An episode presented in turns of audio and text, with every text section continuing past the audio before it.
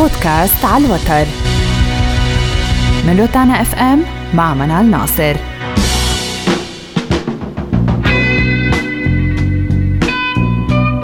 البلوز ليست سوى رجل طيب يشعر بالحزن.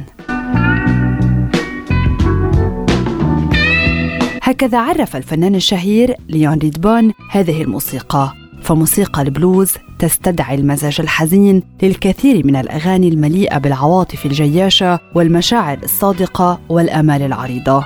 وبحسب إلين سوذرن مؤلفة كتاب الموسيقى للأمريكيين السود أن هناك ثلاث حالات يغنى فيها هذا النوع من الأغاني. وهي المناسبات الدينية وفي مواسم الحصاد وفي أثناء عمل الرجال والنساء في الحقول. فموسيقى البلوز تعتمد على كلمات واغان عاده ما تدور حول القصص المتعلقة بالفقر والفقد والحب والعنف. وتتألف معظم كلمات أغاني البلوز من مقاطع شعرية يتكون كل منها من ثلاثة أسطر ويكون السطر الثاني من كل مقطع تكرارا للسطر الأول ويعبر السطر الثالث عن جواب السطرين الأولين.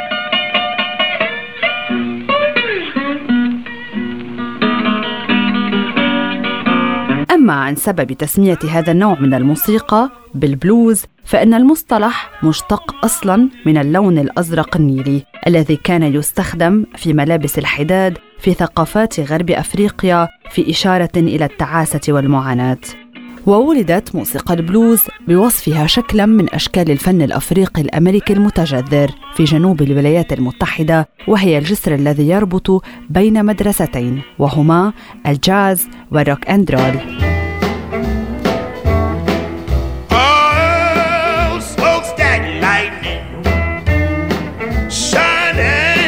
يعرف على وجه اليقين من الذي قام بإدخال مصطلح the blues إلى قاموس اللغة الإنجليزية. ولكن تعتبر ولاية ميسيسيبي مسقط رأس موسيقى البلوز وقد أنجبت الولاية العديد من الموسيقيين المشهورين ومن بينهم تشارلي باتون وروبرت جونسون وهاولين وولف ومادي واترز. وبيبي كينج وجاء معظمهم من سهل الفيضانات المعروف بدلتا الميسيسيبي الذي يمتد مسافة 200 ميل على طول مجرى نهر الميسيسيبي من منفس بولاية تينيسي جنوبا إلى فيكسبرج في ولاية ميسيسيبي. وتتباهى هذه المنطقة من الولاية بأنها تضم ثلاثة متاحف متواضعة لموسيقى البلوز.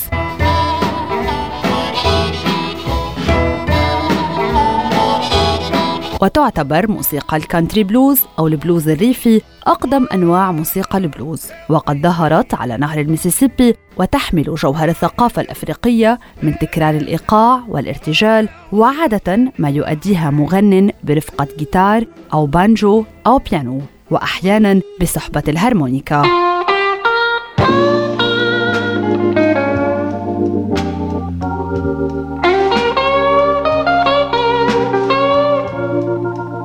انتشر ال country blues بسرعة وانتقل إلى المدن الشمالية مثل شيكاغو وديترويت بأدوات مثل الجيتار العادي وفيما بعد الجيتار الكهربائي والساكسوفون وتشعبت منه أنواع مختلفة.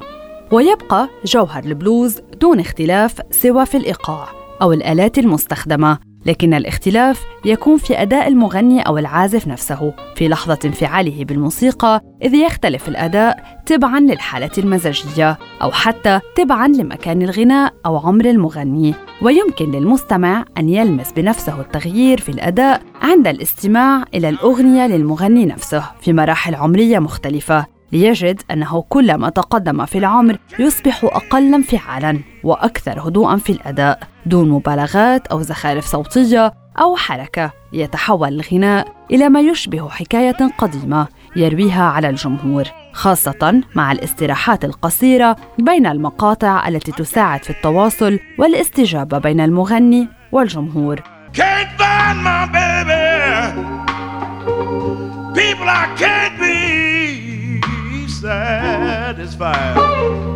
في بدايات البلوز كانت الآلات الموسيقية الرئيسية قليلة نسبياً وكان أهمها آلة البانجو ولعلها في الأصل من صنع السود لأنهم حاكوا آلة أفريقية تشبهها تماماً واستخدمها البيض والسود في موسيقاهم.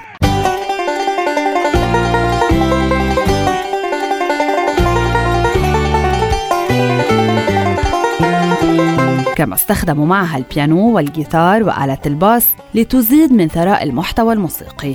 والآن تستخدم آلات موسيقية حديثة في أغاني البلوز كالطبول وآلات الإيقاع ولذلك خرجت أنواع عديدة من البلوز. فهناك blues rock الذي له شعبية كبيرة بين عاشقي موسيقى الروك و New Orleans blues و rhythm and blues وال jazz blues و country blues الذي شرحناه سابقا والبلوز الكلاسيكية. والبلوز الأفريقية وتقريبا معظم الألوان الموسيقية الموجودة حاليا متفرعة من البلوز. فموسيقى ال hip hop والبوب وال rock and roll جميعها وليدة هذا النوع الموسيقي. أما معظم عازفي موسيقى الجاز المعروفين فقد أظهروا مهارة فائقة في عزف موسيقى البلوز. ومن هؤلاء ديوك إلينغتون وشارلي باركر وجاك تيجاردن وكثيرا ما شملت موسيقاهم تعديلات وتغييرات على موسيقى البلوز القياسية المألوفة.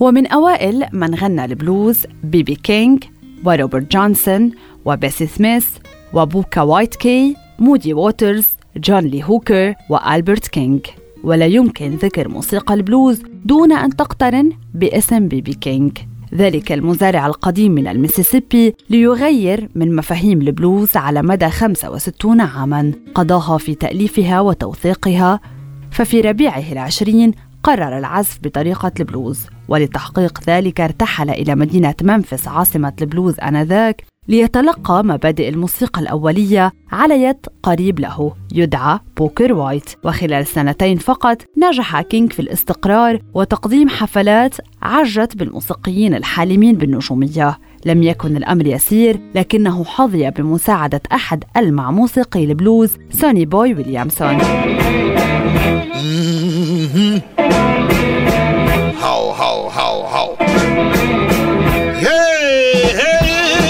وشهد عام 1952 انطلاقة قطار كينج الموسيقي بتسجيله أغنية 3 o'clock blues التي تصدرت قائمة الأغاني الأكثر تداولاً على الإذاعات الأمريكية.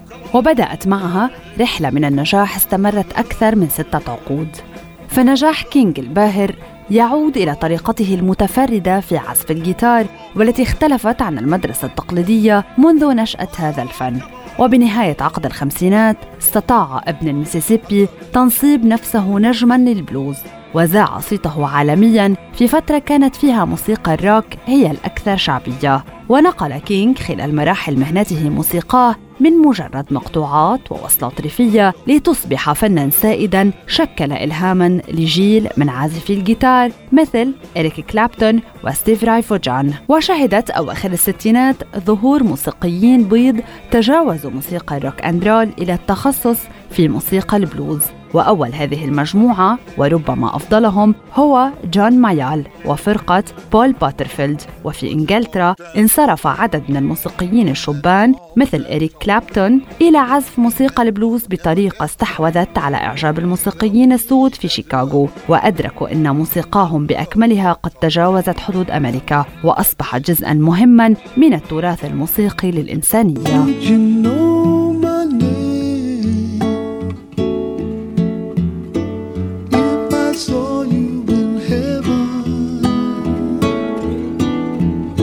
أما عن موسيقى البلوز الريفية توجد بعض الأنواع الفرعية لموسيقى البلوز تحت شعار موسيقى البلوز الريفية وهذا يشمل موسيقى دلتا بلوز وتكساس بلوز وبلوز بيدمونت. كما تؤكد هذه الأنواع الفرعية على اختيار الأصابع على الجيتارات الصوتية بأسلوب كل من روبرت جونسون، سون هاوس، تامبا ريد، تشارلي باتون وبليند ليمون جيفرسون. أما موسيقى البلوز الحضرية فقد تسللت موسيقى البلوز إلى مشاهد الموسيقى الحية في العديد من المدن في أعقاب الهجرة الكبرى. أدى هذا إلى ظهور تقليد بلوز حضري حيث حلت الجيتارات الكهربائية محل الصوتيات خاصة بعد الحرب العالمية الثانية. ومن أشهر هذه الأنواع الفرعية هي موسيقى البلوز في شيكاغو لكن موسيقى البلوز في الساحل الغربي نحتت أيضا مكانتها الخاصة في لوس أنجلوس في منتصف القرن العشرين.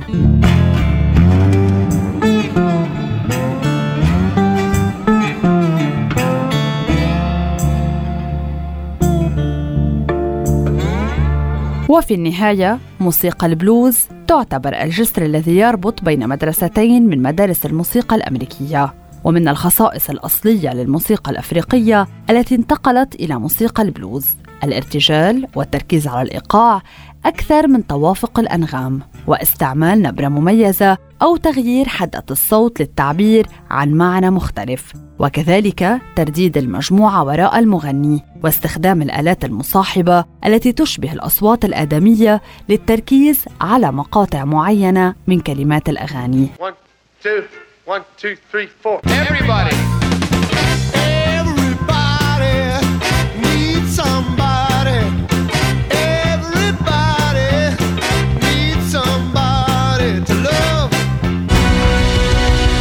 بودكاست على الوتر.